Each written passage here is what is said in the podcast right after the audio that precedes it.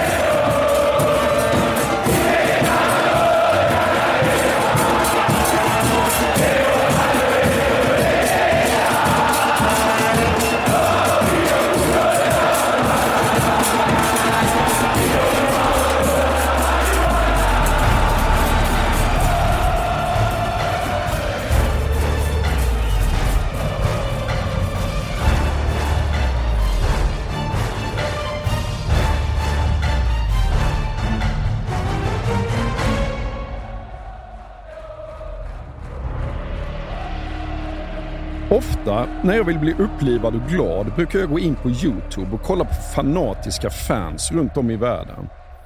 Ingenstans är stämningen och sångerna bättre än i Argentina och ingenstans i Argentina är de bättre än hos dagens lag. Till och med den största erkände det, trots att han aldrig spelat där och egentligen var konkurrent med klubben. Inga fans är mer påhittiga, menar Diego Maradona. Men fantastiska läktare betyder inte framgång på planen. Dagens lag tillhör en av de fem största i Argentina, men under en oändligt lång tid hade de aldrig vunnit det finaste som finns i Sydamerika, Copa Libertadores. Åren gick, hånet från motståndarfansen haglade, men så en dag var de där, vid sina drömmars mål.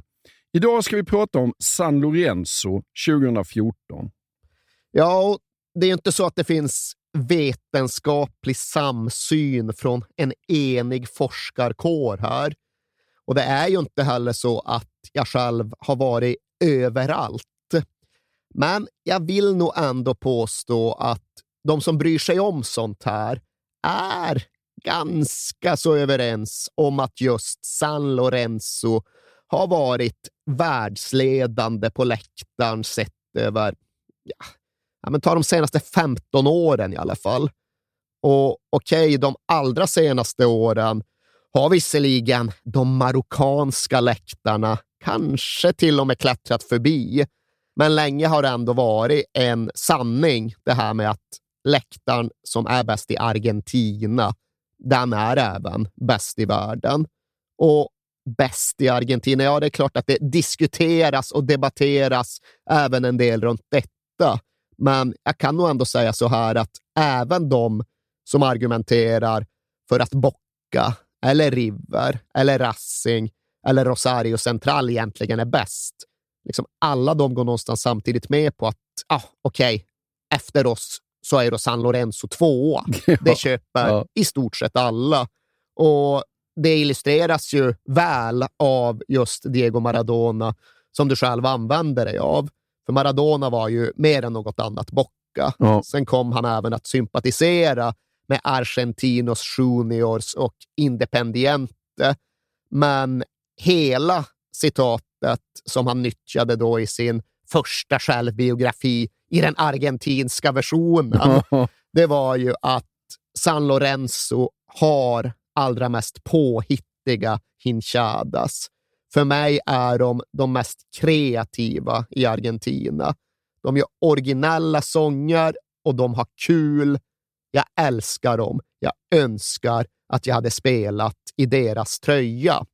Och det är ju dels en ja, men rätt användbar referens att ha, men det är även en ganska målande beskrivning. Just det här med att Maradona riktar in sig på att det här är kreativa fans som skapar och som gör det lustfyllt att gå på fotboll. För när vi pratar om San Lorenzo som bäst på läktaren, då hänvisar vi inte nödvändigtvis till att de är flest. Inte heller till att de ska vara tuffast. Kanske är de inte heller de allra mest högljudda precis alla dagar.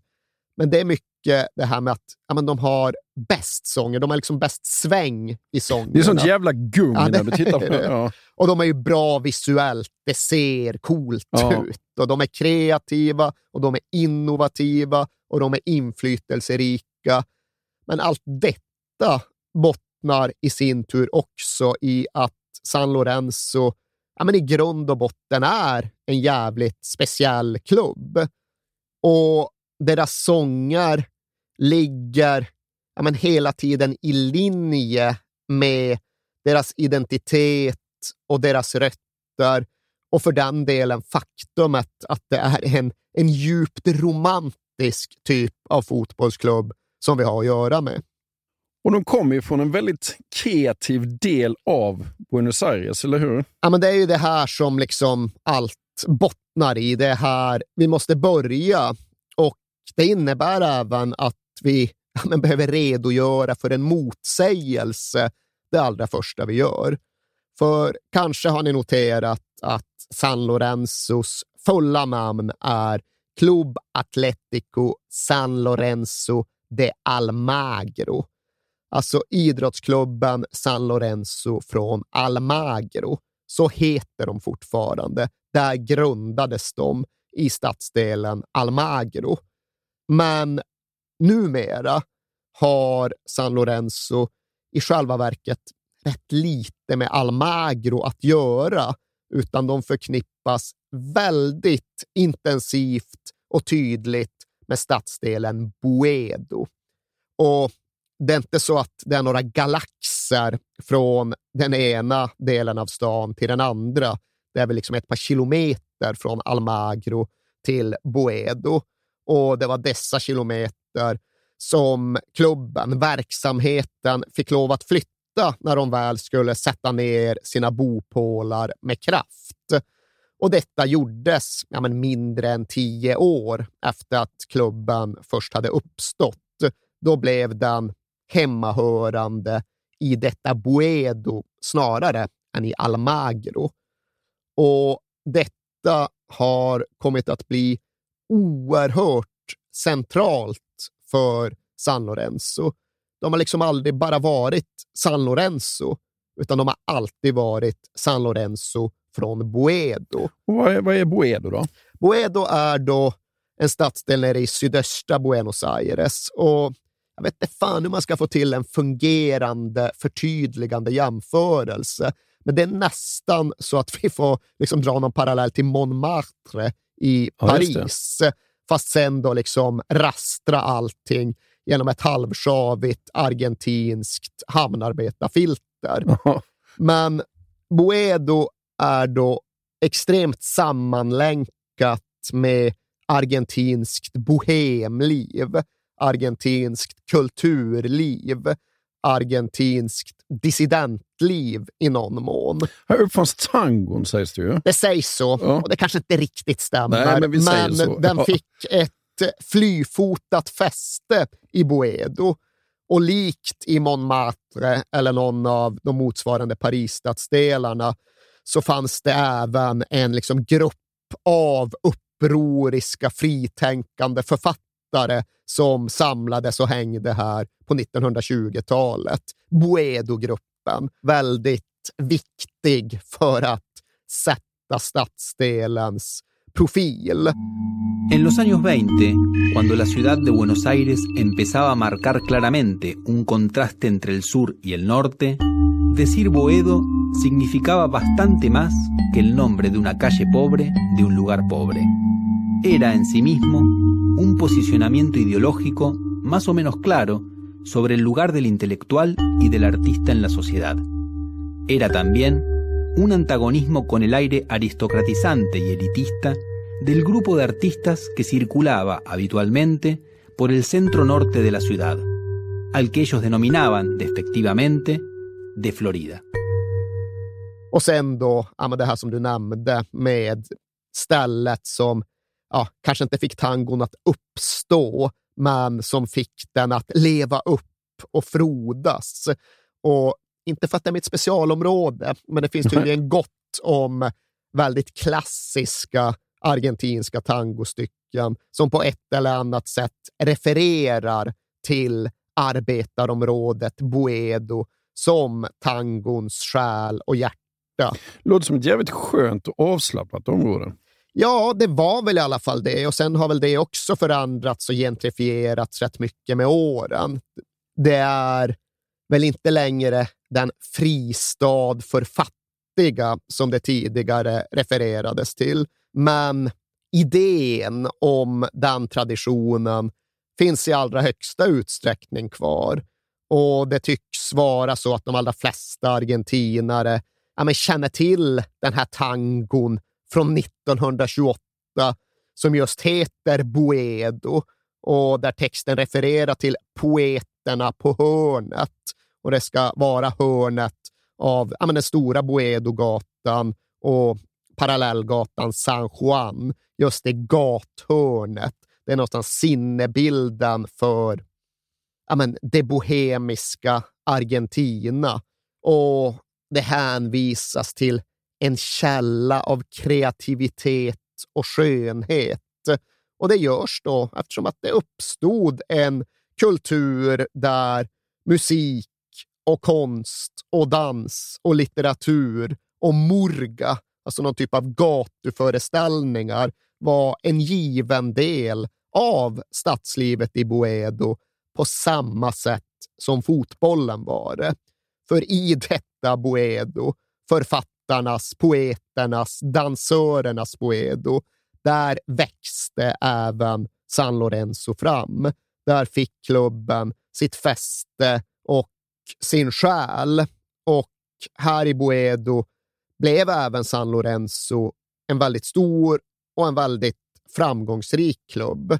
Den arena de först liksom snickrade ihop, den växte och svällde och kom att refereras till som El Gasometro eftersom att den ja, såg ut som en gasklocka. Och den blev även med tiden den allra största arenan i Argentina. Så där i Boedo, ja, det spelade massornas lag. Där spelade bohemernas och arbetarnas lag. Där spelade det där laget från den där delen av staden som inte riktigt var som alla andra. Och de spelade där tills de inte gjorde det längre. Nej, för när vi pratade om Argentina 1978 så pratade vi om den stenhårda militärdiktaturen eh, som fanns där då. Och det fick ju även San Lorenzo smaka på i slutet på 70-talet. I allra högsta utsträckning. För det var ju inte så att general Videla och hans junta tyckte nog vidare mycket om vare sig Boedo eller fotbollsklubben där, eller för den delen fotbollen i allmänhet när det inte gick att tvätta regimbyk med den. Så det stod ganska tidigt klart att det skulle inte bli någon VM-fotboll i Boedo, trots att arenan var så pass stor. För det var inte det argentinska ansiktet som generalerna ville visa upp. Så snarare än att få en uppfräschning så tilläts gasometro att falla isär. Och på andra sidan VM framstod den absolut som rätt sliten och rätt ålderdomlig. Och på andra sidan av VM så kände även general Videla att Buenos Aires rätt och slätt hade alldeles för många fotbollsarenor. Hur jävla många kan det egentligen finnas på centrala platser i en stad? De använde ju bara två under VM Ja. och så fanns det ytterligare ett par dussin.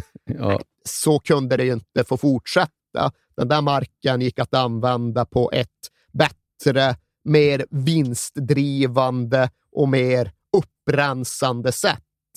Och ja, men längst fram i den här skottlinjen låg San Lorenzo från Boedo.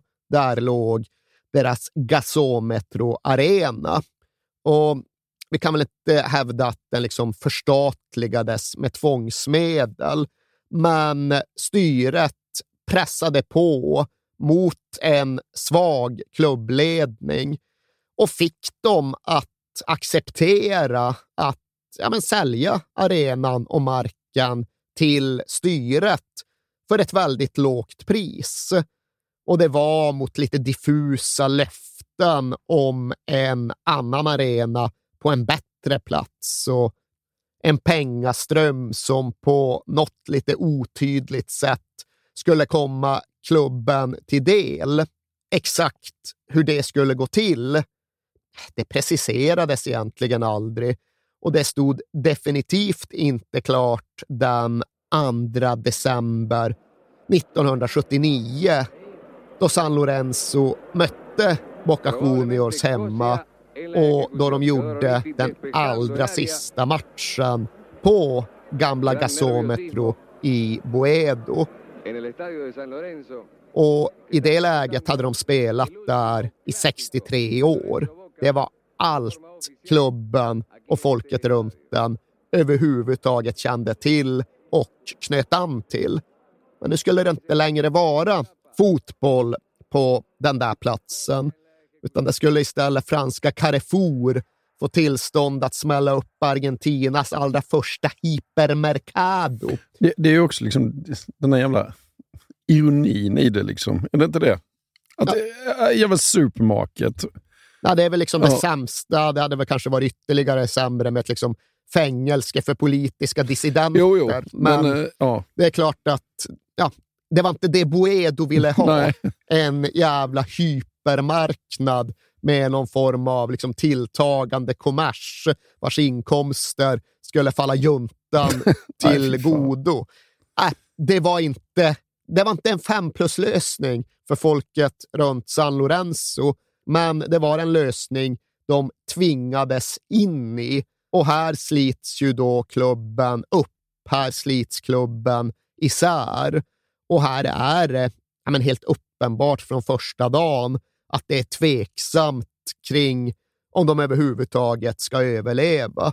De ska ut i exil på obestämd tid. Det finns ingen tydlig plan för vart de ska ta vägen och när och hur de ska komma dit. Utan det enda som återstår, det är den här landlotten, den här biten mark där bulldozrarna mullrar in och där grävskoporna sen tar vid och där hypermercadon sen växer fram. Och ända sen San Lorenzo tvingades bort har liksom stadsdelen gått vakt för att se till att ett och samma klotter, eller i alla fall ett och samma budskap, alltid funnits kvar på väggarna, murarna runt denna hypermercado. Där har det i mer än 40 års tid alltid stått skrivet Tierra Santa utanför Carrefour. Tierra Santa, heligt land. Ja. För det har det någonstans alltid förblivit. Och när de blir ivägkörda, ja, det går åt pipan för klubben också på Ja, det planen. går precis så jäkla illa som det kanske hade gått att befara. De var liksom riktningslösa, de var nedslagna i skoskaften, de var fattiga som kyrkråttar och de hade väldigt svag dragningskraft gentemot övriga Argentina. Det var liksom inte så att spelare stod i kö för att komma och få leva i packsäck med San Lorenzo. Och följden blev väl ganska naturlig. Det dröjde knappt ens ett år innan San Lorenzo åkte ur högsta ligan. Och redan då var detta en jättesak. För okej, okay, San Lorenzo var ju inte riktigt Boca Juniors eller River Plate, men de hade då länge spelat på Argentinas allra största arena.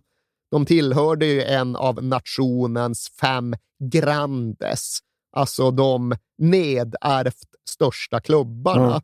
Och de åkte inte ur. Det hade aldrig hänt att en grande hade åkt ur. Kan du inte bara säga vilka de som är grande? Ja, men det är ju Bocca och River och så då Avellaneda rivalerna, alltså Racing och Independiente, ja. och så då San Lorenzo. Det är den klassiska kategoriseringen. Ja. Man kan ju tycka att Estudiantes eller någon av Rosario-klubbarna skulle in där, ja. men det är liksom fem Buenos Aires-klubbar och San Lorenzo. Alltid ändå någon typ av outsider i sammanhanget.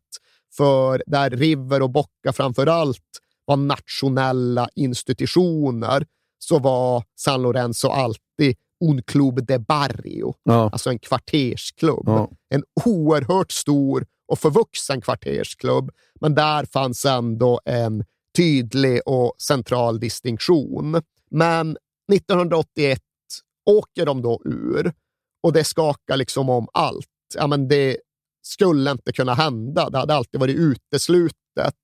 Men det enda som gjorde det möjligt, ja, det var såklart att kvartersklubben nu var hemlös. Det hade aldrig gått att flytta ner ett San Lorenzo från Boedo, men ett San Lorenzo som luffade runt. Ja, det var ett skört och sårbart San Lorenzo som nu befarades vara på rak kurs mot den faktiska undergången. För ja, läget hade ju liksom redan varit kritiskt och det fanns inget ljus i någon tunnel. Men nu, nere i B, ja, då var ju allt så nattsvart att det inte gick att se vart räddningen skulle komma ifrån. Men när väl svaret uppenbarade sig, ja, då var det någonstans lika självklart som häpnadsväckande. För alla de som ändå hade kommit att älska San Lorenzo, att identifiera sig med San Lorenzo, de hade tvingats gå igenom en existentiell kris. Vi har levt våra liv med San Lorenzo från Boedo. Nu är San Lorenzo inte längre kvar i Boedo. Vad känner vi då? Hur gör vi då? Skulle supportrarna överge klubben när inte längre rötterna fanns kvar? Skulle de resignera inför att juntan helt enkelt hade tagit livet av San Lorenzo. Nej, istället svalde de ett stycke stolthet för att sedan få den att svälla mångdubbelt.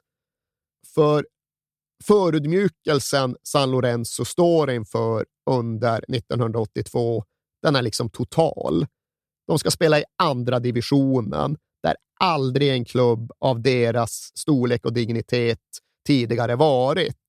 Och de ska göra det till låns på sina rivalers arenor. Det är upplagt för en årslång utskrattning och en förnedring aldrig tar slut. Men det som händer det är då att San Lorenzo fyller de här arenorna mot dussinmotstånd från provinserna vecka efter vecka, match efter match. De har mer folk på sina matcher i andra divisionen än vad någon annan klubb har i högsta ligan. Ja.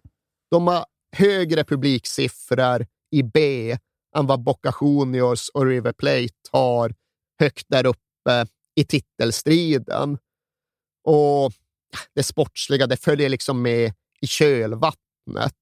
Nu har den här jävla jätteskutan vänt och nu är den på väg uppåt igen med kraft. Och allt det här brukar de hänvisa till som Los Milagros de San Lorenzo, alltså San Lorenzo-miraklet. Och det var det som innebar att hela Argentina insåg att San Lorenzo inte dog med Boedo, utan att San Lorenzo istället förblev speciella, ja, till och med faktiskt unika. Och från den här tiden finns det även klipp ja, på en ung Diego Maradona. Ja. Det finns även klipp på en lite äldre Diego Maradona som pratar tillbaka och förklarar att ja, men, det var här jag fick mina känslor för San Lorenzo. Man säger det, alltså, när jag såg vad den klubben gjorde i Primera B, ja, jag fick gåshud. Ja. Jag svär att först se Un Grande falla, men sen plötsligt även se den resa sig upp och säga vi kommer vara mer San Lorenzo än någonsin. Vi kommer att följa er till döden i B. Det tog på mig. Så sa en ung Diego Maradona och så hade egentligen alla fotbollsintresserade argentinare kunnat uttrycka Ja, sig. och det är ju jävligt mäktigt att i din djupaste motgång liksom samla sig för, för, för ett nytt mål. Liksom. Och, Ja, och det förstärks också av det där att det inte var den självklara saken att göra. Nej. Det hade verkligen funnits en diskussion. Ja, men, finns det kvar någonting som är värt någonting? Vi var San Lorenzo från Boedo. Liksom. Det var det som var hela vår grej. Nu har militärerna mördat den och kanske finns det någon renlärig där ute som skulle göra anspråk på att äh, får vi inte se vårt San Lorenzo där vi hör hemma, då tänker vi inte titta på San Lorenzo överhuvudtaget, för då är det bara en falsk kopia som finns kvar. Det behövde de ändå liksom förhålla sig till. Det behövde de enas kring i sina supporterled. Och till sist stod de väl inför just en situation att ja, men, nu blir det antingen eller. Antingen försvinner San Lorenzo helt eller så sluter vi upp allesammans. Och väl där, ja, då blev någonstans beslutet unisont och mangrant. Ja. Till slut så får de en ny hemvist i en stadsdel som heter Bajo Flores. Och det är inte riktigt kanske lika konstnärligt som Boedo. Ja, alltså det som händer är ju att de till sist, efter stor försening och fördröjning, och för den delen även efter en militärdiktaturs fall, till slut blir anvisade, tilldelade en liten bit mark, inte så väldigt långt bort ifrån Boedo. Men det är då mark, alltså som du säger, i storstadsdelen Bajo Flores. Men ja, det som är haken här, det är ju då att det ligger precis angränsande till den del av Bajo Flores som ja, men rätt och slätt är en kåkstad. Ja. Det finns något där som på svenska, jag vet inte fan, det utlös, utläses över bara via 1, 11, 14. Jag fattar det som att de på spanska säger via uno di noviembre de catorce, vilket då skulle stå för ja, men, den 14 novembers kåkstad. Men jag får också intrycket av att det som det refererar till att de bara slagit ihop kåkstad 1, kåkstad 11 och kåkstad 14 och gjort det till någon form av liksom administrativ region. Ja, men det, är, det är en Ja. favela, fast på argentinska. Det är en provisorisk stadsdel av skjul och väldigt enkla skiffen som ja, men gränsar till total laglöshet. Polisens kontroll och för den delen samhällets räckvidd in i via uno di noviembre de catorce är mer eller mindre obefintlig. Och nu på senare år så tillhör ju Argentina de sydamerikanska länder som har plågats av någon jävla drogcocktail som de kallar för Paco. Och det ska ju vara ja, men, kokainrester, lösningsmedel och råttgift Ja, sammanblandat. fan. Och givetvis så säljs det mest i hela landet i Via Uno di Noviembre de Catorce. Och precis då, på andra sidan vägen förväntas San Lorenzo smälla upp sin nya arena ifall de nu vill ha en sådan. Ja. Och det här blir också någon typ av vägskäl.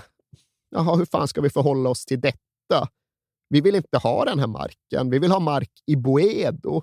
men antingen tar vi den och bygger en arena där, eller så får vi ingen arena. Nej. Eller så spelar vi vidare hemma hos Veles, eller Lanús, eller vad fan det nu kan vara frågan om. Och till sist tar de ja, lite motvilligt beslutet att ja, vi får bygga vår arena här och sen får vi fortsätta kämpa för en återflytt till Boedo på annat sätt i en annan tid. Och väl på plats, ja då får vi väl helt enkelt göra det bästa av situationen. Så de smäller upp en ny arena som de såklart kallar Nuevo Gasometro och de gör det med egna pengar av egen mankraft. Och till sist den 1 maj 1993, efter nästan 15 år på drift, ja, då har de i alla fall ett hem igen.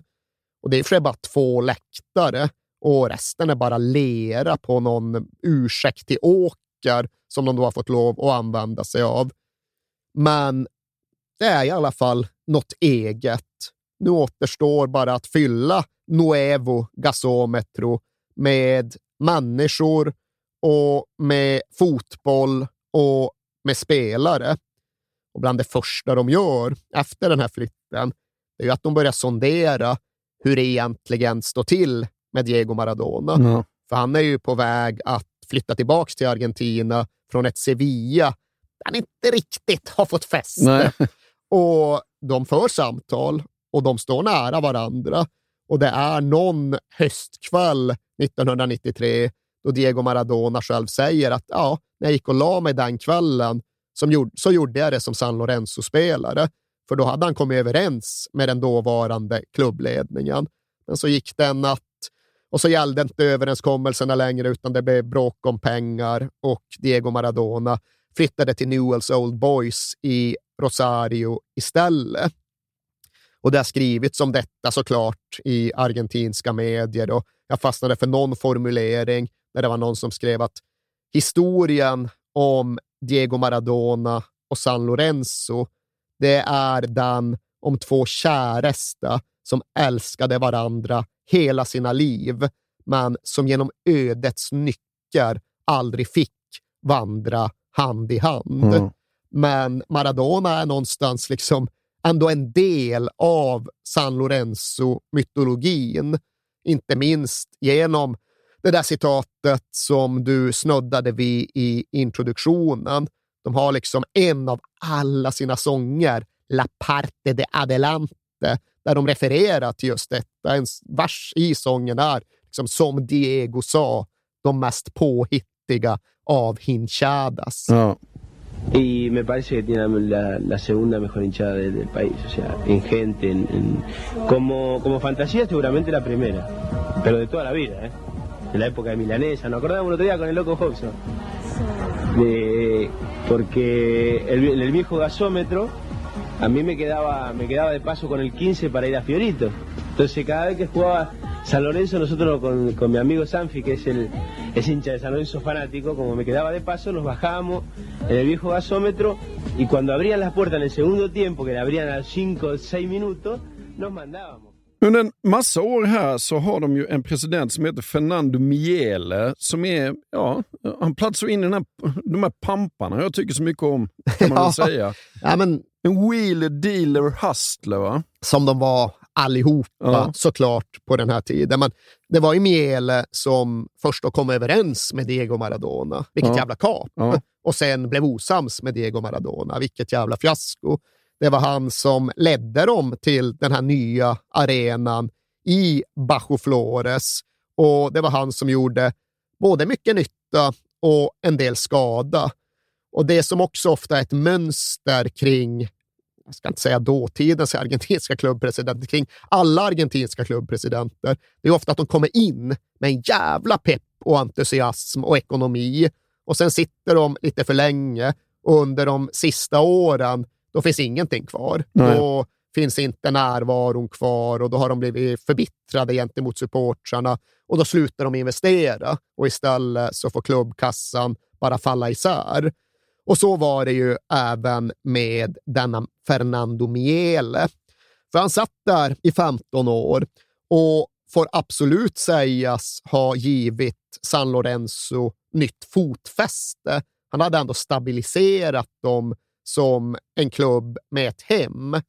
Men in mot det nya millenniet så var han även på väg att göra det fullständigt förbjudna. För eftersom att hans egna investeringar hade stannat av så hade San Lorenzos ekonomi rasat samman. Och för att få ihop detta så påbörjade Miele en förhandling om att sälja klubben. Och den förhandlingen gick väldigt långt. Och här ska det ju då sägas att liksom argentinska klubbar är likt svenska i grunden medlemsstyrda. Ja. De är medlemsägda. Men det finns för den sakens skull ingen 51 regel Så det är fullt möjligt att bara privatisera klubben. Ja. Och det var detta som då Fernando Miele var på väg att göra. Han var i stort sett överens om att sälja San Lorenzo till det gåtfulla schweiziska investmentbolaget ISL. Men de var ju redan då på konkursens alltså brant. Va? Ja, det skulle komma att visa sig. Det var väl ingen som hade insyn i deras böcker. Men supportrarna blockerade till att börja med den här försäljningen. De gjorde det fysiskt. De liksom barrikaderade sig utanför arenan och gjorde det tydligt att detta kommer inte accepteras. Detta kommer inte ske. Och Miele fick någonstans bara acceptera faktum att ja, det här går inte att Nej. genomföra. Och sen gick det inte många månader efter att det avblåstes innan schweiziska ISL också gick i konkurs. Ja. Och Det här skedde då 2000 och det medför dels att supportrarna till San Lorenzo än idag firar just supportrarnas dag den 30 november varje år. Ja. För det var då de räddade San Lorenzo. Det var då de såg till att klubben skulle förbli medlemsstyrd. Men det innebar ju även att då presidenten Fernando Miele rök efter ja. 15 år, för det fanns liksom ingen väg tillbaka. Och mer än något annat så ja, men innebar väl detta ett bevis för att det bokstavligt talat var supportrarna som var San Lorenzo. Och jag minns att det är här någonstans som jag själv får upp ögonen för klubben. Det blev ändå en internationell nyhet det här med anhängarna som bokstavligt och fysiskt förhindrade en försäljning. Och man satt där hemma med någon bristfällig internetsajt och försökte förstå vad det egentligen var för klubb och vad som gällde där. Men det, du gillade det du läste? Jag gillade det jag läste och jag skulle sen få ännu lite öppnare ögon och lite bättre förståelse några år senare. För mitt första VM på plats, det var ju då VM 2006 i Tyskland. Och helvete vilket positivt, rosenskimrande världsmästerskap det framstår som så här nästan 20 år bakåt i backspegeln. Men det som mer än något annat satte färg och ton på VM 2006, det var ju då de argentinska supportrarna. Och det skulle komma, visa sig vara ett återkommande mönster. Men de åker till varje VM och ger det liksom ett soundtrack. Ja. Det är alltid de som lyckas sätta en ny signaturmelodi för vartenda jävla världsmästerskap som spelas. Men Erik, är det fans från alla argentinska klubbar? För att är inte det lite uppdelat, de som åker dit? Det varierar mycket och 2006 var det egentligen Borrachos de Tablon från River som var liksom den dominerande barran på plats. Men för den sakens skull går det inte att påstå att det var deras sång som fick fäste. För signaturmelodin till VM 2006, det kommer att bli den här liksom olé, olé, olé, olé, olé, olé, olá. Olé, olé, olé. Cada dia te quiero más. Oh, Argentina. Ese sentimento. Para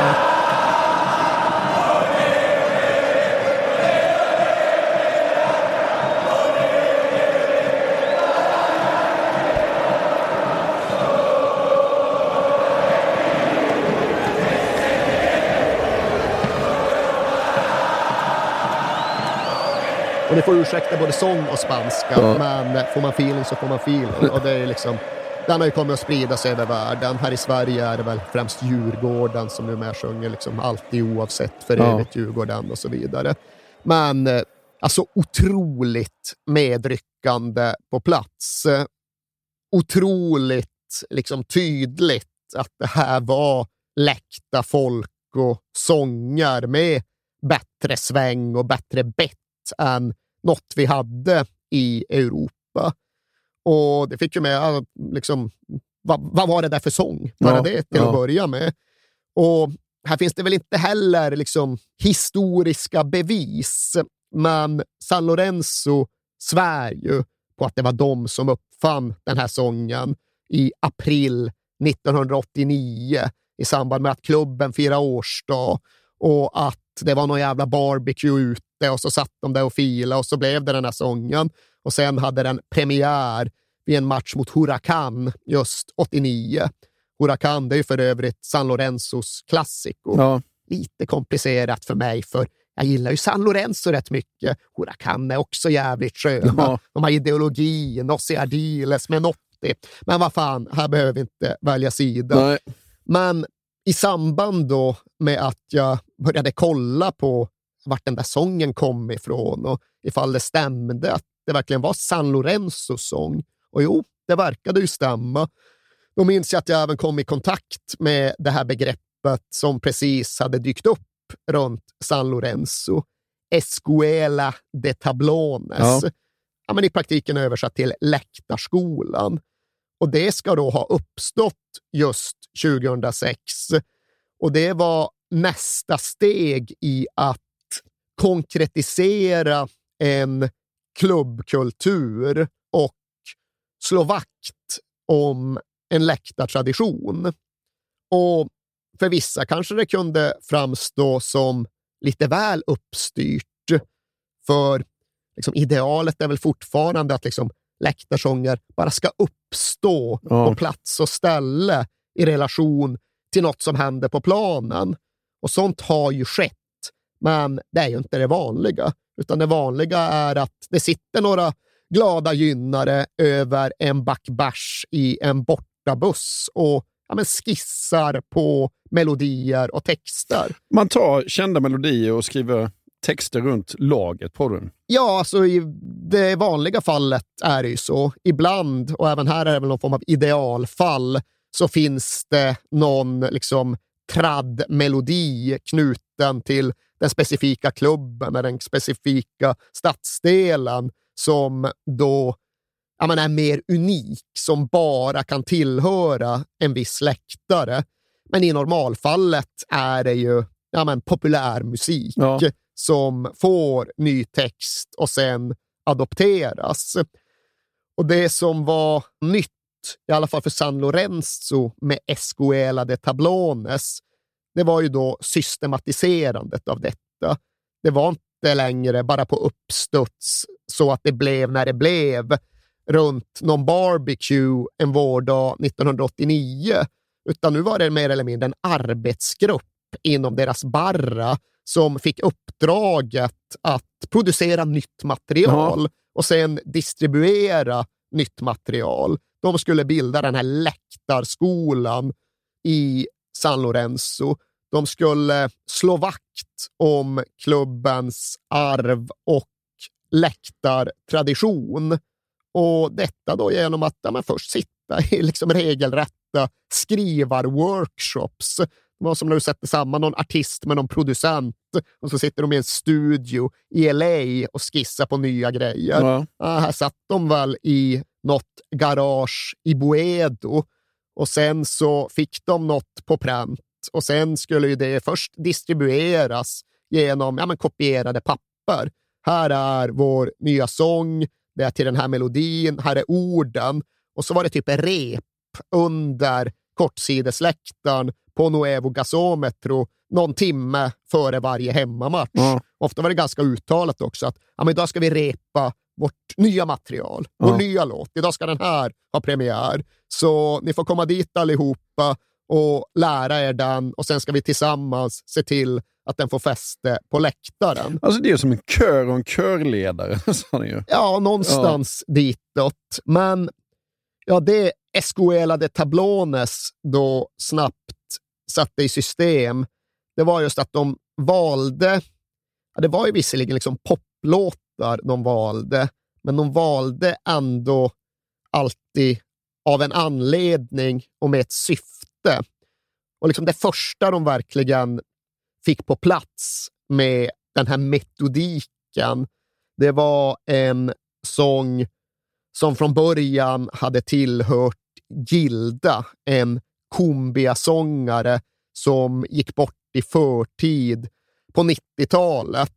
Och det var ju inte en poplåt som handlade om hur liksom tuffa och mäktiga och framgångsrik någon var, utan det var redan från början ja, men en rätt smetig kärlekssång som nu någonstans fick en ännu djupare klang i och med att sångerskan inte fanns med oss längre. Och från början var den översatta titeln jag har förlorat ett hjärta. Men när då San Lorenzo stöpte om den lite grann så blev nyckelfrasen ja, känslan som finns inom mig kan jag inte förklara för dig.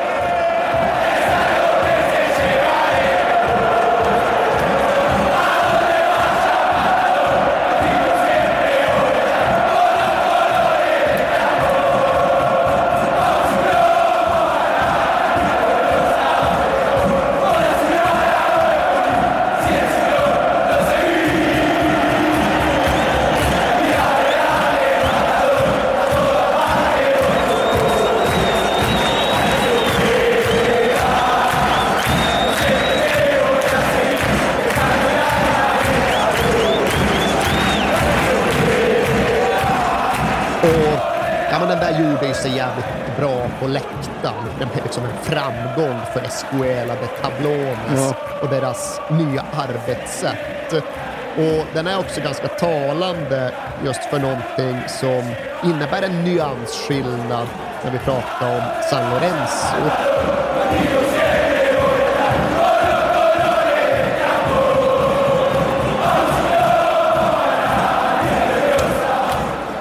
Ja, det är fantastiskt mäktigt. Ja, det finns ju. Dels är det ju det är, det är långa sånger. Ja. Det återkommer man till. Det är inte liksom heja heja AIK eller come on you Spurs. Eller liksom, Eller, det är ju, da, da, da, da, da, da. nej, nej, men alltså det är minst 20 verser. Och Ja. det kräver väl just att man, man skriver det och man repar och man distribuerar materialet. Men sen är den här också ja, men illustrativ för att den liksom åskådliggör hur San Lorenzo, hur Escuela de Tablones ofta har valt. De har ju dragits mot ja, men dels melodier, men ofta en nostalgisk touch på sina läckta sånger. Det finns ett vemod där. Det är nästan lite så här molligt ibland. Och det blev också tydligt på en annan av deras tidiga läktarhits. Och även då valde de en poplåt från 90-talet, den gången med ja, men en italiensk artist som jag inte känner till. Jag vet inte om han är stor eller inte, men någon lirare som heter Gianluca Grignani. Ja. Och ja, den, det är nästan min favorit. I hela jävla San Lorenzos katalog är det nästan min favorit. Dels för att den, även här på ett sätt som är ovanligt för läktaren, klarar av att verkligen ha liksom en refräng Ja. som lyfter. De pumpar på det tror jag, och så lyfter refrängen. Men framför allt för att det är ja, men det här vemodet och nästan det här liksom stråket av sorg i botten. Ja. Det är liksom inte deppigt, inte det. Alltså, det är ju kamplystet och det är ju motståndskraftigt.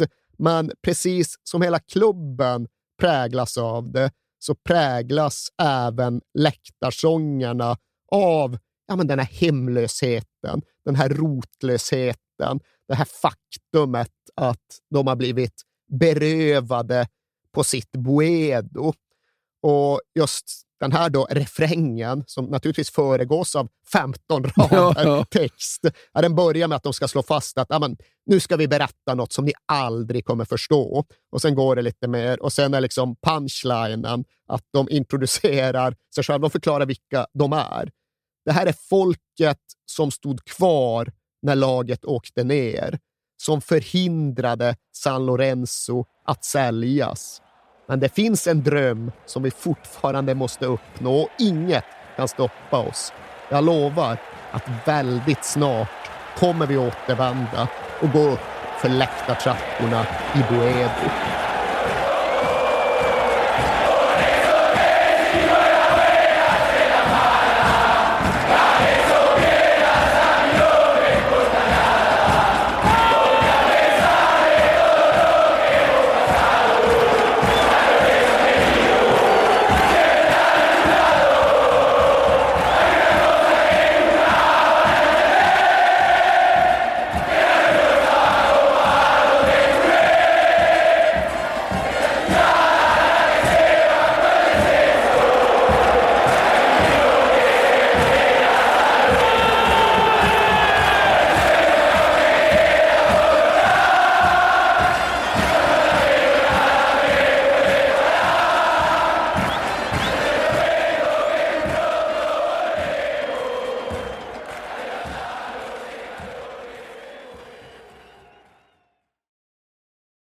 Jag vill inleda med att säga att det är garanterad jackpot på 13 miljoner på Stryktipset. Och fy fasen. Ja, visst. Skulle du behöva 13 miljoner eller? Ja, det skulle jag verkligen. Men vi måste säga först att vi är ju sponsrade av Stryktipset. Ett spel från Svenska Spel, Sport och Casino för dig över 18 år. Yes, och stödlinjen.se finns där för dig om du har problem med ditt spelande. Nej, men 13 miljoner jackpot på Stryktipset, det är ju inte fel. Nej, då är det faktiskt dags att ladda en rejäl rad här känns det som. Mhm. Vet du vad som inte heller är fel? Nej. Födelsedagsfirandet och alla härliga Mm. historier vi får in. Exakt, Mm. för vi är ju mitt inne i Stryktipsets 90-årsfirande som vi firar med att läsa upp fantastiska historier från våra lyssnare Yes. som skickar in dem till kings at perfectdaymedia.se. Precis, bomba på nu. Det är åtta månader kvar på det här firandet, så att, eh, vi kör nu. Mycket Stryktipshistorier vill vi ha Mm. och i dagens har vi fått från Peter som skriver så här. Hej på er och tack för en helt otrolig podcast. Den har räddat mina veckor i snart fyra år. Tack så mycket Peter. Min historia är ganska färsk, men den om när det vände på stopptid gav kanske inte de största pengarna, men känslan i mig består. Jag spelar ofta för lite mindre pengar på Stryket, följer fotbollen men är långt ifrån en nörd. Och allt såg väldigt bra ut senast, förutom på min etta på Manchester United mot Brentford. Var ändå väldigt, eh, var ändå väldigt nöjd med hur resten satt. Men på stopptid satte min nya favoritspelare, skotten McTominay, två mål och vändningen fullbordades. 64 rader blev 12 000 kronor. Tack för en bra Det är podd. otroligt. Ja. Tack för en bra historia Peter. Ja, och som man älskar Scott McTominay. Gör man inte det? Ja, det- gör man faktiskt. Han liksom kommer in i straffområdet jävligt bra faktiskt. Mm. Vi säger stort tack till våra vänner på Stryktipset. Tack.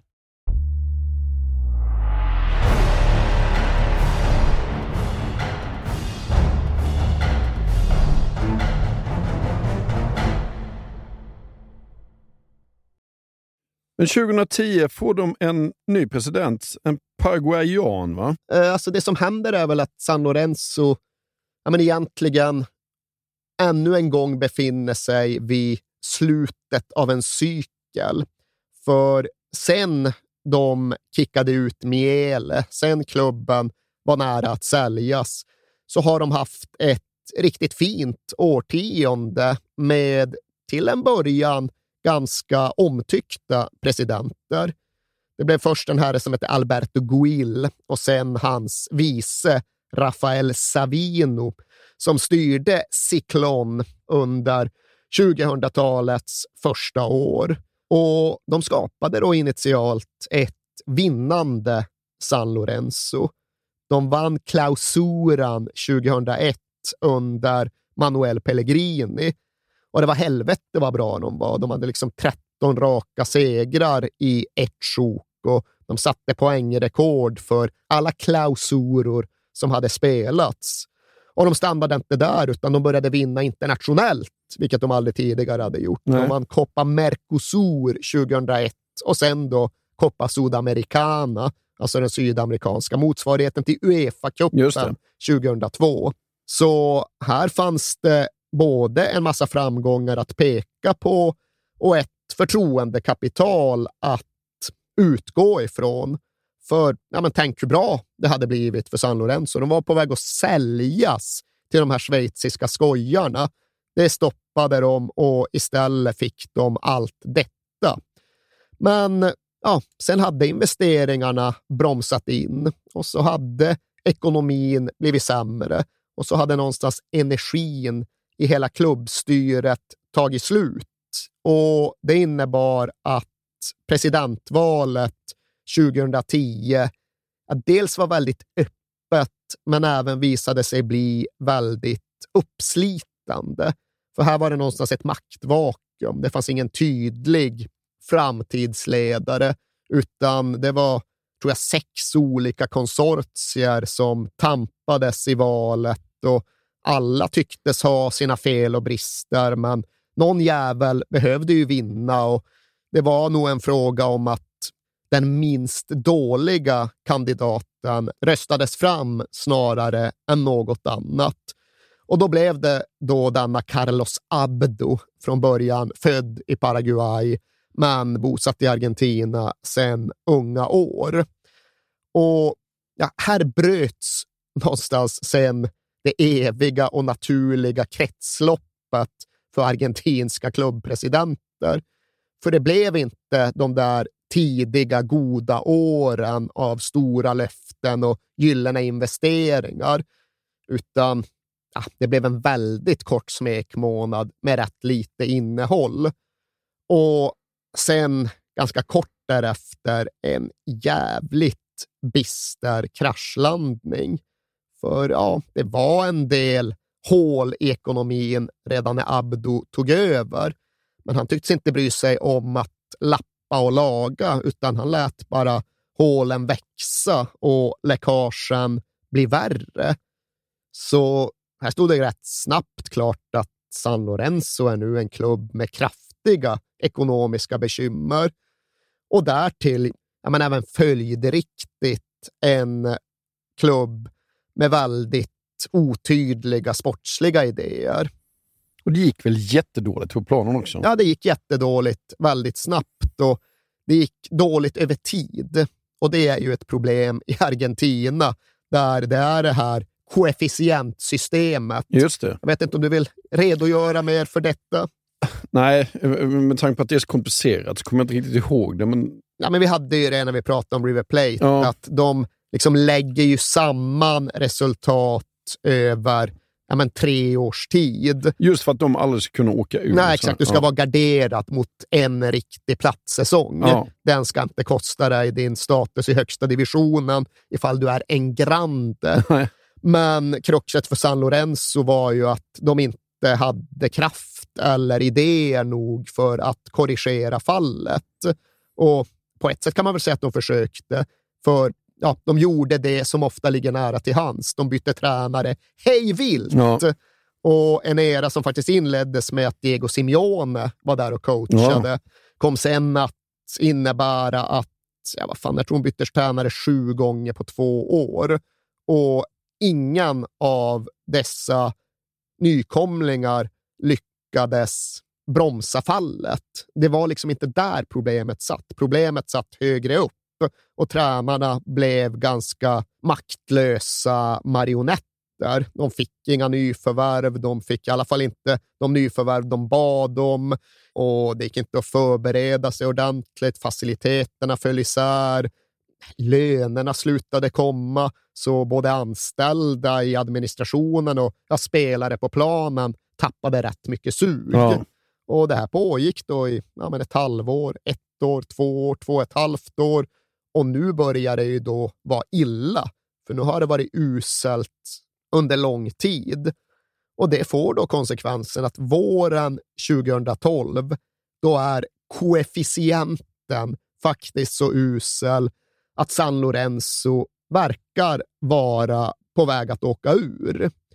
Och ekona från förr skrämmer. Dels för att det här då bara är året efter att River Plate åkte ur. Ja. Och det visar någonstans att ja, inte ens koefficientsystemet skyddar de största fullständigt. Även med detta är det möjligt för en grande att åka ur. Och man kan kanske tro att det faktum att River hade flyttats ner skulle mildra skräcken lite för San Lorenzo. Men nej, så funkade det inte, för de hade faktiskt redan varit ur en gång och det var illa nog. Men skulle de åka ur en andra gång, ja, då hade de återigen varit till åtlöje för alla. För det skulle då vara historiskt för en av de stora. Åka ut två gånger. Ja. En gång ingen gång, men Nej. två gånger. Ja. Nej, fy fan.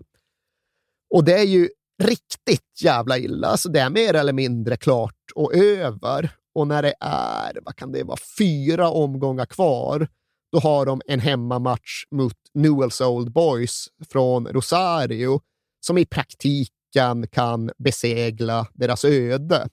Och det ser inte bra ut på något sätt, för Newells är bra. Newells spelar för titel. Ja.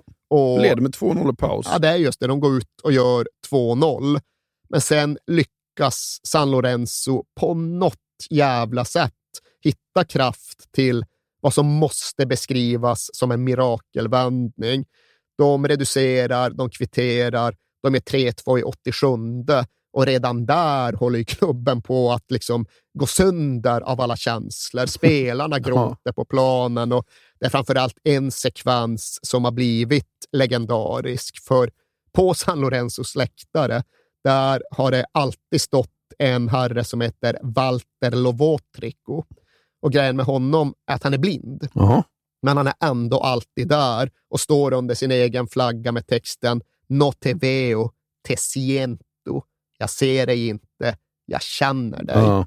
Och det finns bevarat klipp på hur denna Walter, denna blinda Walter, då reagerar på vändningen. Ja. Han är ju han är helt utom sig och han står där och liksom skriker med i sångerna, skriker om hur den här hinchadan inte kommer att sluta supporta dig hur det än går.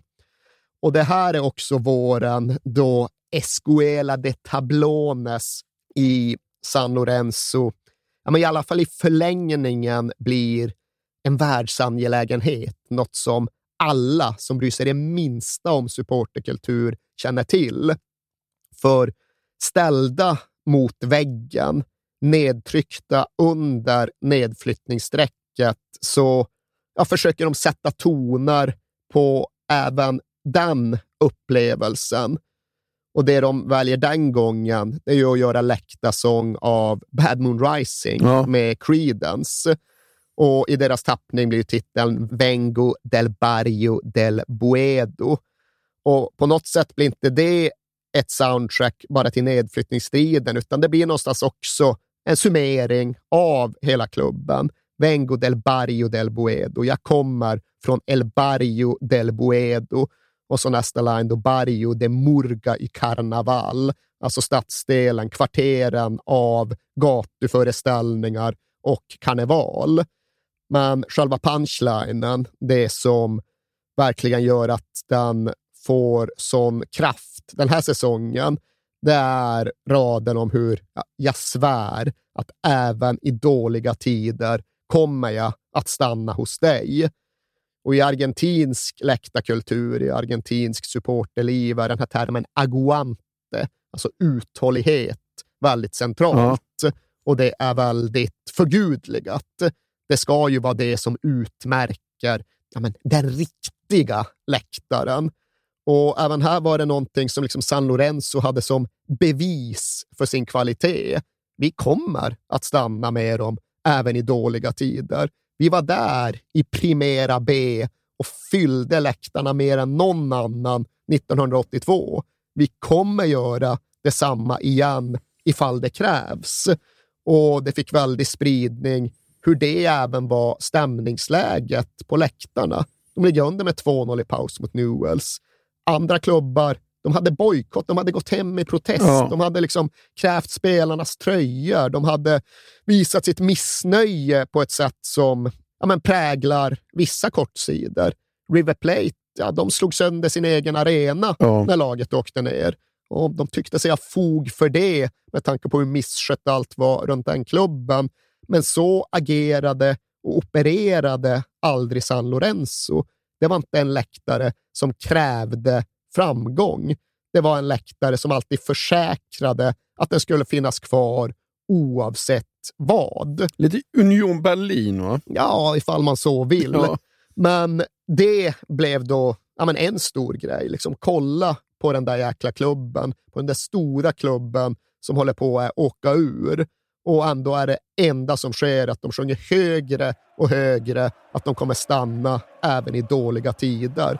Och detta då till ja, men den här catchy gamla boogie-rytmen Ja. som nu satte sig på läktaren och som i förlängningen även blev hela signaturmelodin till VM 2014. Ja.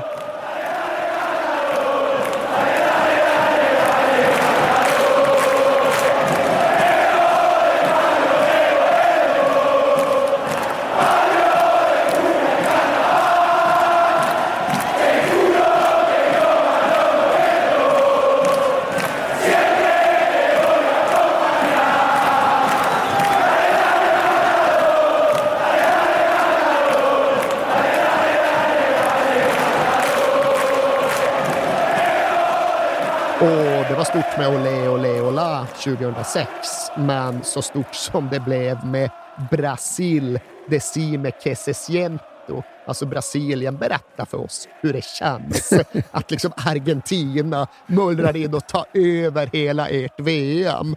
Ja, det var ju det enda som hördes genom Brasilien-VM 2014. Ja. Jag vet inte kanske om det är den mest spridda, mest inflytelserika supportersången i modern tid.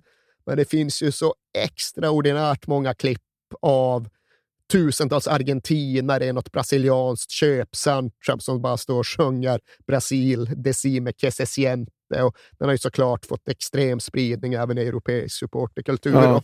Här är det väl Hammarby och deras Här kommer hjältarna från söder.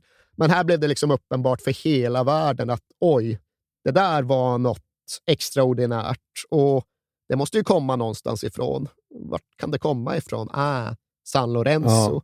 Och de hade på så sätt definitivt 2014. De hävdade i alla fall själva att de hade haft 26.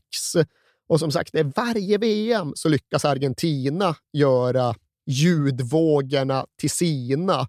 Och även om det inte var lika tydligt så var det så också i Sydafrika 2010. Då var det Esta la banda locca de la Argentina.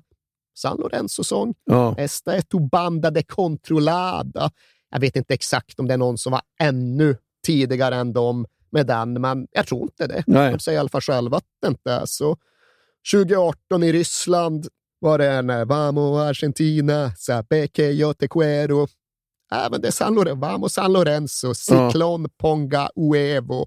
För den delen efterföljt med Quiroser Campeón, Soy de Buedo. Ska alltid betonas att de är från Buedo. Ja. Och alltså det är klart att det är lite talande för en ny tid att ja, men det går att resonera kring globala läktarhits. Ja. Men det är då vad detta har blivit. Och de här gångerna så heter inte hitmakarna Max Martin eller Shellback eller vad fan nu topplisteproducenterna heter, utan nu heter de Escuela de Tablones och kommer från Nuevo Gasómetro och San Lorenzo. Ja. Och det var inte bara VM-låten, de, på löpande band Ja. så fick de ju fram såna här stilbildande läktarsånger. Och ibland tog de väl liksom lite svårare vägar, ibland tog de ganska enkla knep. De satte ju Despacito Ja, som just det. läktarsång, blev också jätte, Ja. jättestort. De tog någon Enrique Iglesias-låt som jag inte känner till, men som tydligen är enorm i den latinska världen. Duelle El Corazon. Och så gjorde de den till San Lorenzos och så häpnade världen ytterligare en gång.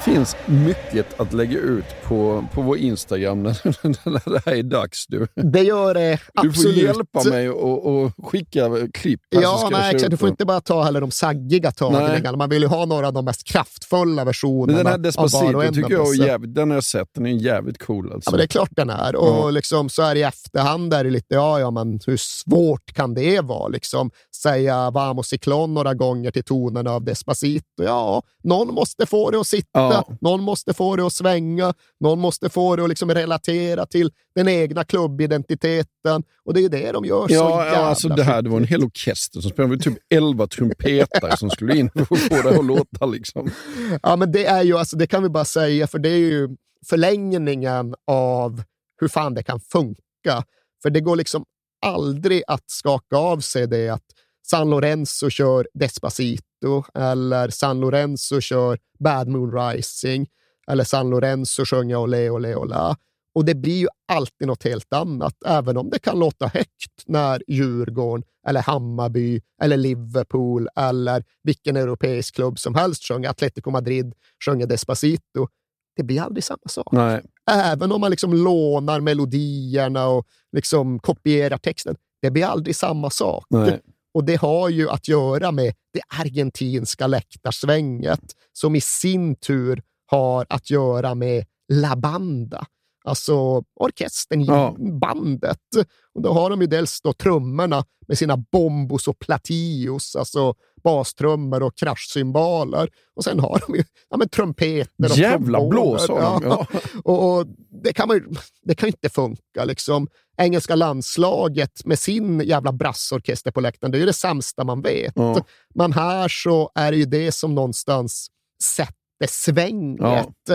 Och jag vet inte fan hur de har i Argentina med någon kommunal musikskola, men de har ju definitivt en typ av allmänt utbredd rytmkänsla och något brett accepterat melodispråk. Ja.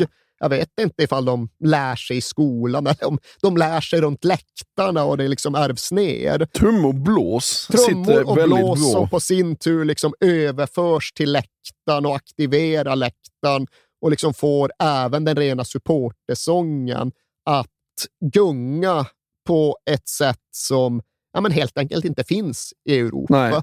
Och Det är liksom svårt att sätta fingret på exakt vad som gör det, men när man lyssnar och när man tittar så blir det ju helt uppenbart att ja, så är det.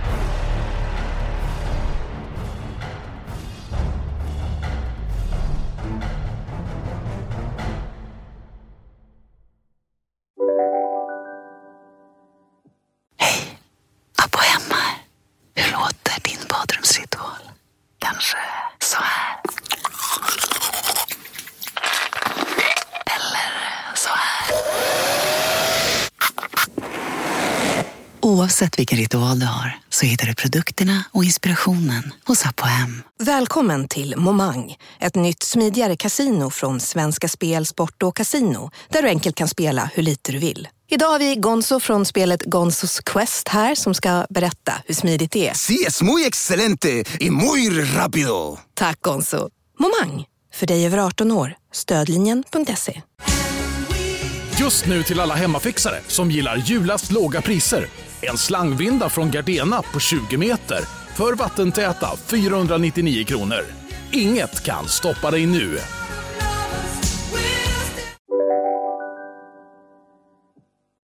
Den här säsongen, våren 2012, mun- mynnar ju ut i en extrem måste-match hemma mot San Juan. Va?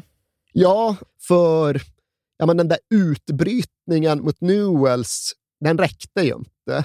Den var nödvändig för att de inte skulle åka ut på plats och ställe egentligen, men den efterföljdes ju sen av ytterligare två dåliga resultat. Jag tror de fick en poäng på de två matcherna som följde. Och Det innebar då att in i den sista omgången så låg San Lorenzo återigen under själva nedflyttningsstrecket, alltså direkt nedflyttning. Där ovanför fanns det playoffplatser, men här var det direkt nedflyttning. Och i den totala sammanvägda tabellen så låg de två koefficientpoäng efter Banfield. Så de behövde alltså ta två poäng på Banfield. Och Banfield, där de mötte Colón hemma, vann de där så var det kört. Ja. Samtidigt som då San Lorenzo mötte ja, San Martin från San Juan.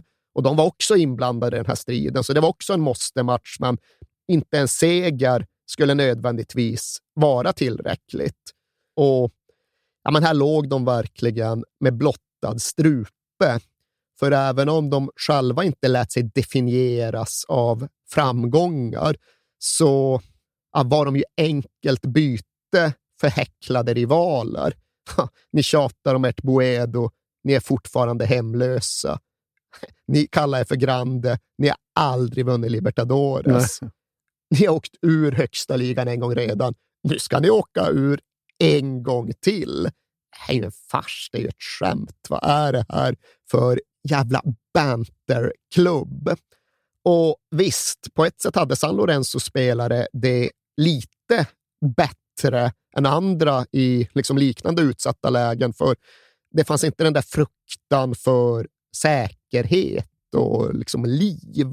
De trodde inte att de skulle bli överfallna och sönderslagna av en vansinnig barra, för de kände att de ändå hade publiken i ryggen.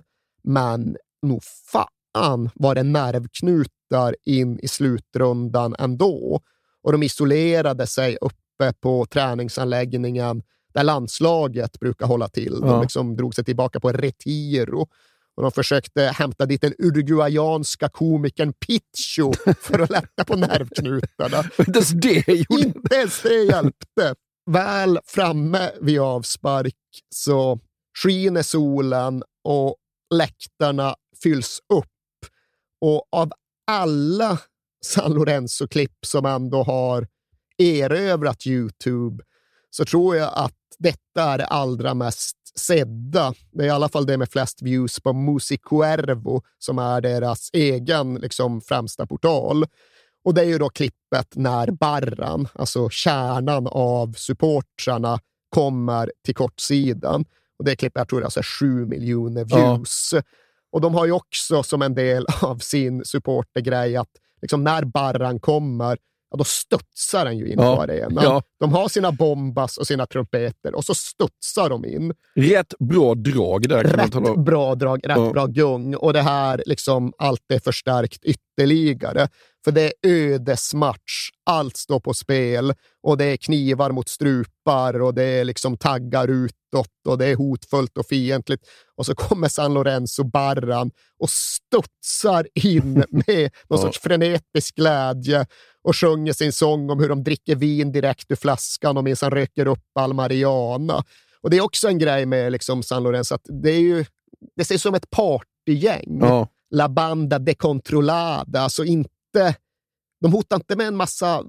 Det är också mycket mindre än många. Det är inte så att de hotar med våld, och att de ska slå sönder alla andra och att eh, de ska minnas några huligantriumfer i Mar de Plata eller vad det nu är. Däremot är det mycket, ja, men vi är bara liksom orediga och redlösa och vi vill ha kul och vi vill festa och vi vill rumla runt och dricka vin direkt ur flaskan och röka weed och studsa in på en kortsida även om nedflyttning stundar. Det passar väl perfekt in i den här bohemiska Boedo-myten. Ja, det är väl så- rätt, ja. men det är väl liksom bara uppdateringen Ja. av det. Och det är ju verkligen inte så att de är några harmlösa änglar. Herre jävlar att det har begåtts våldsbrott knutna till San Lorenzo. Och just Barran, det heter ju La Gloriosa Bouteiller. Och ja, det finns gott om medlemmar där som helt enkelt inte är några snälla killar. Nej.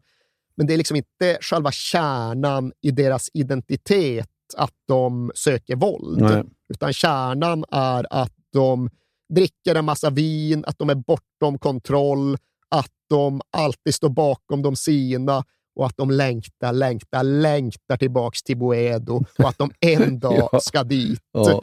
Och Gloriosa Bouteiller, alltså Bouteiller, ja, men det är torget vid den gamla arenan. Ja. Det är det som är liksom referensen, det är det som är namnet. Och nu väller de in på sin kortsida. för att stötta laget. Och den här dagen hade de väl inte sina paraplyer med sig. Det är ju annars en identifikationsmarkör, ett kännetecken som, ja, även där var de först med det och sen andra kopierat. Det är att de ofta studsar in på arenan med snurrande paraplyer i klubbens färger ovanför sina huvuden. Och alltså det är, det är väl inget särskilt, det är bara en visuell grej. Det var ytterligare en sån där sak som får dem att se balla ut. Ja, ja. Och så kollar folk och tänker, fan, paraplyer. Ja jävlar, de där San Lorenzo ändå, de har det också.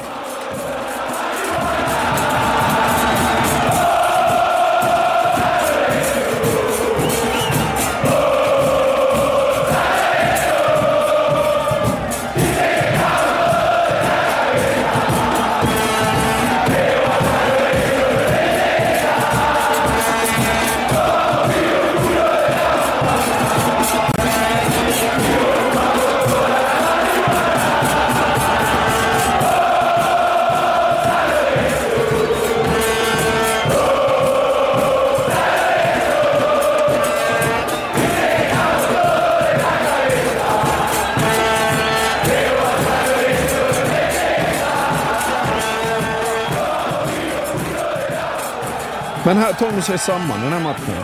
Ja, det gör de. Trots då att de släpper in 1-0 efter 25 minuter. Och även här kan man tänka sig att ja, nu jävla börjar det väl hagla in grejer på planen och nu börjar det vara jobbigt att vara San Lorenzo-spelare på den egna arenan. Nej, det är ju bara liksom ännu mycket mer högljudd uppmuntran. Nu jävla framåt, framåt, nu tar vi det. Och de reagerar och replikerar omedelbart. Det är kvitter, jag tror de släpper in 1-0 efter 26 och så är det 1-1 efter 28. Och det går inte att säga att supportrarna gör målet, men det går fan i mig att säga att supportrarna hjälper till att få målet godkänt. För det borde det aldrig ha blivit. Nej. Det är liksom uruguayanan Carlos Bueno som bara hoppar in i motståndarmålvakten så att han tappar bollen. Och det är frispark 99 gånger av 100, men inte på Nuevo Gasómetro, en nedflyttningsmatch. Då är det bara att spela på Ja. och så kan de kvittera. Och som sagt, San Juan, de spelar också för sin existens, så de är ju taggade till tusen och de blir ju vansinne. Alltså det är inte möjligt att du godkänner det Nej. målet. Det är inte möjligt. Och de använder väl lite hårdare ord än vad jag gör, så Ja. det är inte nog med att det blir kvitterat här. De får även en spelare utvisad, bortalaget. Ja. Och sen blir det ju skönare att spela för San Lorenzo. De har en dryg timme på sig att göra ett mål. För inne i paus får de höra att Banfield då har imploderat i sin ödesmatch på sin hemmaplan. De har släppt in tre mål på en halvtimme mot Colon och det rapporteras om ganska upprörd stämning. Så de förstår att här räcker det nog bara att vinna matchen. Och det gör de, för den egna stora idolen Leandro Romagnoli, som vi ska återkomma till. Ja. Han hade gråtit på planen efter sin assist till 3-2 mot Newells. Nu slår han ytterligare en assist till 2-1 här.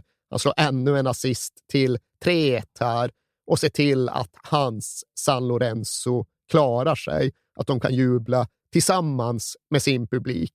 Och samtidigt i Banfields match, ja den blir såklart avbruten. Ja. Där stormas det, där kastas det, där hotas det, där blir det omöjligt att spela vidare. Så de är borta medan San Lorenzo, ja, de lever för att kämpa en dag till. För det är fortfarande inte klart. Nej, de har ju en utslagsmatch. Ja, ett nedflyttningsplayoff över två matcher mot Instituto från Cordoba, där vi bland annat hittar en 18-årig Paulo Dybala. Och det tycks faktiskt gå ganska smärtfritt till en början, för San Lorenzo vinner bortamatchen utan större problem. Ja. 2-0, Uruguayanan Bueno gör båda målen. Och sen är det egentligen bara då returen, expeditionsaffären, som ska klaras av på hemmaplan. Och det är inte så att det är liksom är lite avslagen stämning runt den matchen bara för att läget är gynnsamt. Nej. Det är även här att ja, men ett av de allra mest populära klippen som de någonsin har fått ihop kommer från den här matchen. Det är Soy de San Lorenzo Si Senor och det är ett helt jävla mindless tryck när man kollar på ja, den här YouTube-kanalen som heter Music Cuervo som jag verkligen kan rekommendera. Ja. För där samlas både det bästa och det mesta från San Lorenzos släktare. Det var, alltså det var bara ett par månader sedan, så, ja, men, oktober, hösten 2022, som de la upp någon form av det är inte det samlade verk, för totalt, det ska finnas någon bok som de har gjort som innehåller fler än tusen olika läckta sånger Jaha. från San Lorenzos kortsida. Men här la de upp någon typ av urval från den aktuella repertoaren. Ja. Det här är det vi sjunger nu. 400 sidor. Alltså, det var ju då ett YouTube-klipp och det var mer än en timme långt. Ja.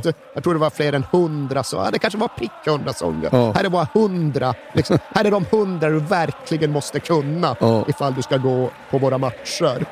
Och du sa väl när vi inledde att du hade för vana att gå ut på YouTube och kolla på den här typen av klipp. Ja. Och det har jag också, det är det nog jäkligt många som har.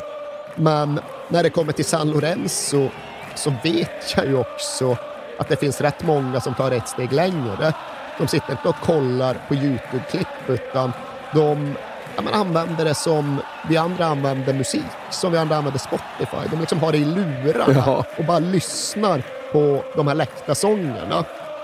Och jag fattar det. Just det ska jag det, testa. Det, ja, ja, jävla svung i steget. Ja, ja, Men får jag säga, efter att ha testat det, ändå en hel del som går förlorat. Snarare än att sångerna förstärks av det visuella så kan det kännas lite rörigt ja, ja, ja. när man har Vers 27. ja, exakt.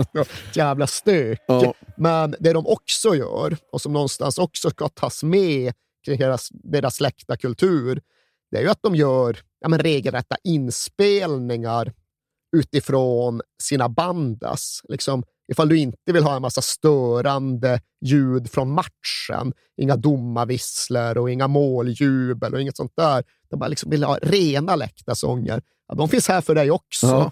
Och för några år sedan gjordes det ja, men en typ av projekt under samlingsnamnet Vuelve la cultura abuedo, där det gjordes ja, men mer traditionella tolkningar av de här kortsideshitsen. Det var någon som satt med en cello och spelade och så sjunger man någon av de mer mollstänkta visorna med tårdrypande vibrato.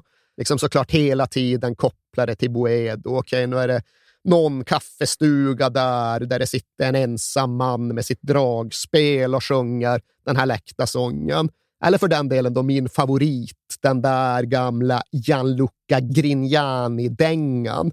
Ja, då har de flyttat in i något Buedo-kök och det står liksom tre hinchadas där och lagar mat och hackar grönsaker och slungar sallad och vad fan de nu gör samtidigt som ja, men de då balladsjunger om hur de är folket som stod kvar när de åkte ner och förhindrade San Lorenzo att säljas och hur de nu ska återvända och gå upp för läktartrapporna i Boedo. Och det kan jag ju lyssna på. Alltså, men det, det låter liksom... inget vidare. Tycker du inte? Nej, vad fan, jag vill ju höra läktarna sjunga. Jo, men det, alltså, du kan, det finns komplement här. Ja, alltså. ja. Nej, finns det här på Spotify eller? Ja, det vet jag fan. Det finns i alla fall på YouTube. Ja. De jobbar ju mycket där utifrån. Och det är klart att behöver jag välja så tar jag ju läktarna. Ja. Men det ska också få speltid på Instagram. ja. Tre liksom glada laxar, hackar grönsaker och sjunger Vamos Cyklon i ja. köket. Låter lökigt. Funkar det, också? Funkar det också? Men de klarar ju det här mot Cordoba ju. De gör det, även om det på sant San Lorenzo-sätt ska komma att darra. För de släpper in första målet på hemmaplan och då är det plötsligt bara ett enda mål ifrån totalt lika läge. Och där står det och väger när San Lorenzo ändå tilldöms straff. Och det fattar alla att slår de bara in den, ja, då kommer inte institut att hämta sig. Nej. Utan det här är en straff för kontraktet. Och dessbättre har de ju då en straffexpert i laget, Nestor Ortigoza. Och ja, likt många argentinska fotbollsspelare är det en kille med en historia. Som fattigpojke på gränsen till barfota barn som väldigt tidigt fick lov att börja hjälpa till för att försörja familjen, för att se till att det fanns mat hemma på bordet. Och till en början var ju det vad argentinska, sydamerikanska gatugrabbar ofta får lov att göra. Stå på någon satans motorväg och försöka kränga piratgods vidare till en lite högre penning. Stå där med någon tvål eller några sandaler eller några anteckningsböcker eller något jävla plastskit ja. och försöka sälja det vidare med 30 procents vinst. Och så fort han fick in någonting stuvade han ner pengarna i sina egna skosulor. För om, när polisen kom och plockade honom för att han inte hade tillstånd, ja, då skulle de i alla fall inte kunna konfiskera hans pengar. Men Nestor Ortigosa, han hittade snabbt en mer effektiv väg. För i de barrios där han levde sitt liv, där fanns det ju alltid fotboll. Och det fanns fotboll om pengar. Fotboll på liv och död på ett annat sätt. Och det kunde vara rena matcher där vinnarna stod kvar och vinnarna i slutändan även tog alla pengar. Men där Ortigosa höll till så fanns det även straffsparkstävlingar. Ja. Och där visade han sig tidigt vara outstanding. Så han började liksom försörja familjen som straffskytt i väldigt unga år. Han kunde stå hela nätter och skjuta sig igenom straffsparkstävlingar och alltid hova hem potten.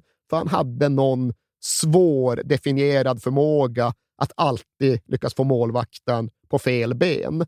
Och den hängde ju med in i elitkarriären. Det var inte allt han var. Liksom Ortigosa var en skicklig fotbollsspelare. Ja. Han hade ta med fan blivit uttagen i den paraguayanska VM-truppen 2010, trots att han egentligen inte var paraguayan. Men det var ändå straffarna, foten på fasta situationer som utmärkte honom. Kallades alltid av alla för El Gordo alltså tjockisen. Ja, det var det jag tänkte säga. För de bilderna jag har sett ser ut som att han slarvat med sit-upsen lite. ja, men det kunde han kosta på sig. För väl framme vid en frispark, eller framförallt en straff, så var han ofelbar. Ja. Han hade slagit in alla sina straffar i hela karriären fram till och med detta. Jag vet inte om det var, men säg 25 straffar. Han ja. var hundraprocentig. Och han säger sig vara aldrig det minsta nervös. För han hade då liksom skjutit för pengar i jävligt mycket mer utsatta lägen. Ja. I väldigt mycket tuffare kvarter än detta. Så slå en straff i en argentinsk ligamatch, vad fan var problemet? Nej. Men nu börjar han känna, helvete, nu är det mycket som står på spel. Nu känner jag av detta. Nu börjar jag ta in omgivningarna, det ska jag inte göra. Och Ortigosa kommer på sig själv med att titta mot läktaren mot kortsidan och där ser han en pappa med ett litet barn i armarna och barnet bara gråter av någon kombination av förtvivlan och nervositet. Och det där tar sig in i El Gordo. Han bara, nej men nej. Vad gör jag här liksom? Hur har jag hamnat i den här situationen? Börjar tänka. Hamnar i den typen av problem en straffskytt inte ska ha men visar ändå sin jävla spetskvalitet genom att ruska av sig detta, gå fram, få målvakten på fel ben och bara vinkla upp bollen i det andra krysset. Ja. Så det är jävla straff av en hundraprocentig straffskytt. Men till och med Nestor Ortigoza blev påverkad och det anses ju då såklart vara indikativt för hur utsatt och jävligt läget verkligen var och hur stor lättnaden nu blev för hela klubben när Gordo ändå slog in bollen.